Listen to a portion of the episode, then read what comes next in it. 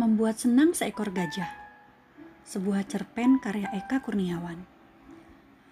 Karena cuaca yang sangat panas, sebab begitulah yang sering terjadi di negeri tropis ini. Si gajah mendatangi sebuah rumah. Ia telah mendengar dari seseorang atau dari beberapa ekor gajah dan binatang lainnya bahwa manusia memiliki lemari pendingin kecil. Mereka menyimpan segala sesuatu, terutama makanan di lemari ini. Tentu menyenangkan jika aku bisa masuk ke lemari itu, pikir si gajah. Ia mengetuk pintu dan dua anak kecil menyambutnya. Tak ada orang tua, tak ada pengasuh. Untuk sejenak si gajah agak ragu untuk berbicara kepada kedua anak kecil tersebut. Namun, rupanya mereka dengan senang hati menerima kunjungannya. Hai gajah, apa yang bisa kami bantu? Tanya si anak perempuan yang lebih muda di antara keduanya. Aku kepanasan. Aku ingin masuk ke lemari pendingin, kata si gajah malu-malu. Sejenak kedua anak saling berpandangan. Lalu si anak lelaki mengangguk-angguk dan berkata, Aku juga sering memasukkan kepala atau tanganku ke lemari itu. Memang segar. Apa salahnya kita memasukkan si gajah sebentar saja? Si anak perempuan setuju. Boleh, boleh. Si gajah dibawa masuk ke rumah dan selama beberapa saat mereka berusaha memasukkan si gajah ke lemari pendingin. Lemari itu sendiri sebenarnya telah dijejali banyak barang. Ada beberapa telur di rak kecilnya, berjejalan dengan bungkusan-bungkusan bumbu siap pakai.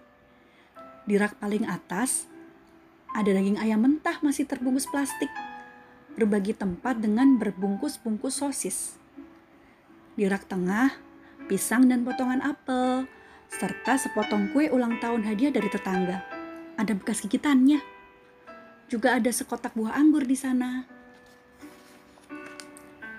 Di rak bawah terdapat sayuran, botol-botol limun dan jus buah awetan berderet beserta kaleng minuman soda di rak pintu. Kedua anak berusaha mengeluarkan semua isi lemari pendingin agar bisa memasukkan si gajah. Mereka sudah berusaha, tapi hanya ujung belalainya yang bisa masuk ke sana mereka mencoba menyabut rak-rak penyekat lemari pendingin. Dan setelah lemari pendingin itu benar-benar kosong, mereka kembali mendorong si gajah masuk. Kali ini si gajah menggulung belalainya. Tapi tetap saja mereka hanya bisa memasukkan sedikit kepalanya. Sekuat apa pun mereka mendorong. Gajah ini terlalu besar, kata si anak lelaki mulai putus asa. Ia selalu yakin bisa melakukan apa saja tapi kali ini ia harus menghadapi kenyataan, ada sesuatu yang tak bisa dilakukannya. Si anak perempuan terdiam sejenak, kemudian muncul dengan satu gagasan. Mungkin kita bisa memotong-motongnya, potong kecil-kecil sehingga bisa masuk ke lemari.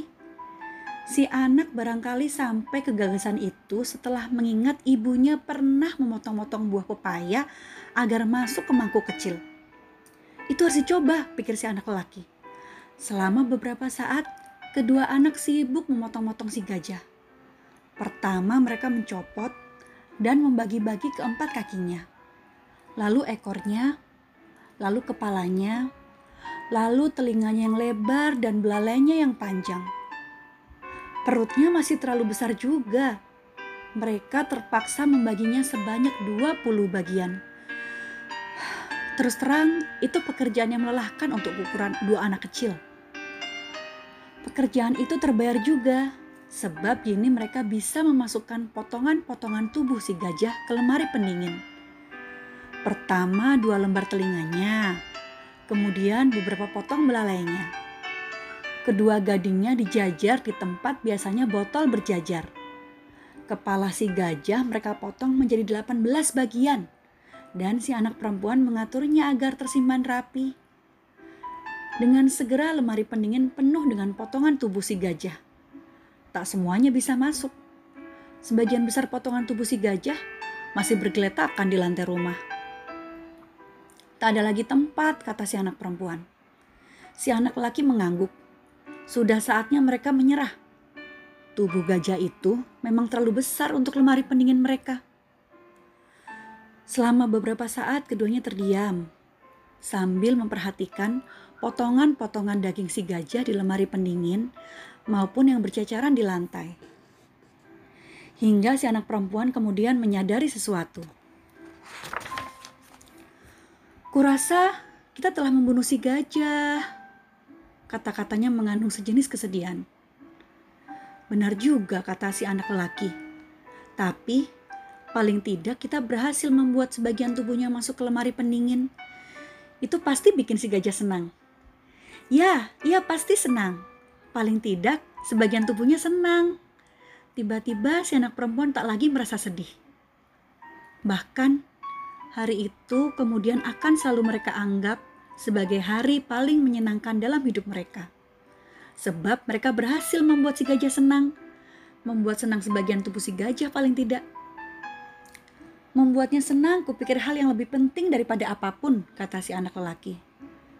Percuma ia hidup jika tidak senang. Si anak perempuan mengangguk-angguk setuju dan tersenyum riang.